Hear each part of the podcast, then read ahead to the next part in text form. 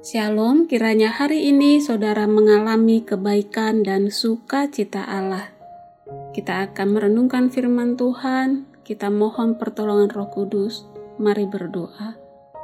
Tuhan, kami sudah siap mendengarkan firman-Mu, penuntun hidup kami. Berbicaralah dan tolong kami untuk bisa mengerti apa yang Kau kehendaki dan melakukannya dalam kehidupan kami sehingga rancanganmu yang baik dan mulia bagi setiap kami boleh terjadi. Dalam Yesus Kristus kami berdoa. Amin. Perenungan firman Tuhan hari ini dari ulangan pasal 6 hingga pasal 8. Namun saya akan bacakan pasal 6 ayat 5.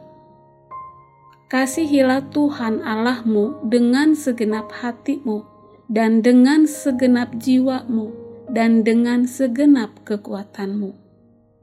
Wujud kasih yang tertanam di hati kita.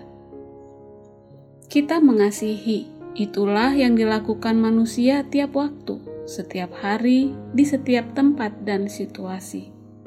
Tiada waktu tanpa mengasihi. Kasih itu merupakan pusat jiwa kita demikianlah Allah merancang diri manusia.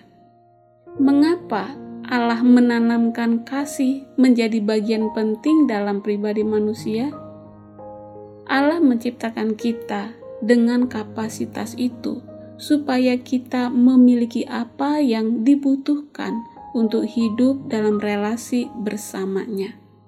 Relasi dengan kasih yang dalam, mengendalikan hati, menghasilkan motivasi, menggerakkan penyembahan, serta menimbulkan sukacita. Kemampuan kita untuk mencintai itu diciptakan bagi Dia, bagi Allah. Keinginan untuk mengasihi dimaksudkan untuk menarik kita kepadanya. Hati kita dirancang untuk mendambakan kasih dan merindukan itu dimaksud agar kita menemukan kepuasan yang hakiki dan penuh di dalam Dia. Namun, inilah tragedinya: dosa menyebabkan kita semua dalam berbagai cara justru meninggalkan kasih Allah dan memberikan hati kepada seseorang atau sesuatu yang lain kita berusaha agar hati kita merasakan kepuasan dengan kasih kepada hal-hal selain Allah. Kita mencari ciptaan melebihi penciptanya. Kita mengasihi orang lain lebih daripada Tuhan. Kita begitu mengasihi diri sendiri hingga hanya tersisa sedikit energi untuk mengasihi Allah yang adalah kasih.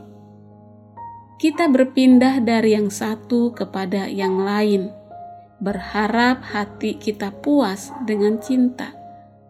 Secara rohani, kita ini kacau, berlari dari satu kekasih kepada kekasih lain, memberikan kesetiaan hati kepada hal-hal selain Allah.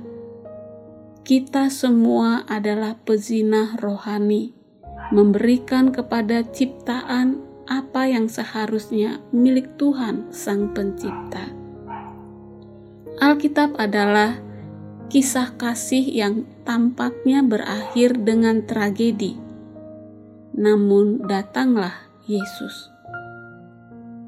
Allah yang adalah kasih mengutus anaknya untuk melakukan pengorbanan kasih yang mutlak supaya kita menjadi orang-orang yang mengingini Dia, seperti yang belum pernah terjadi sebelumnya.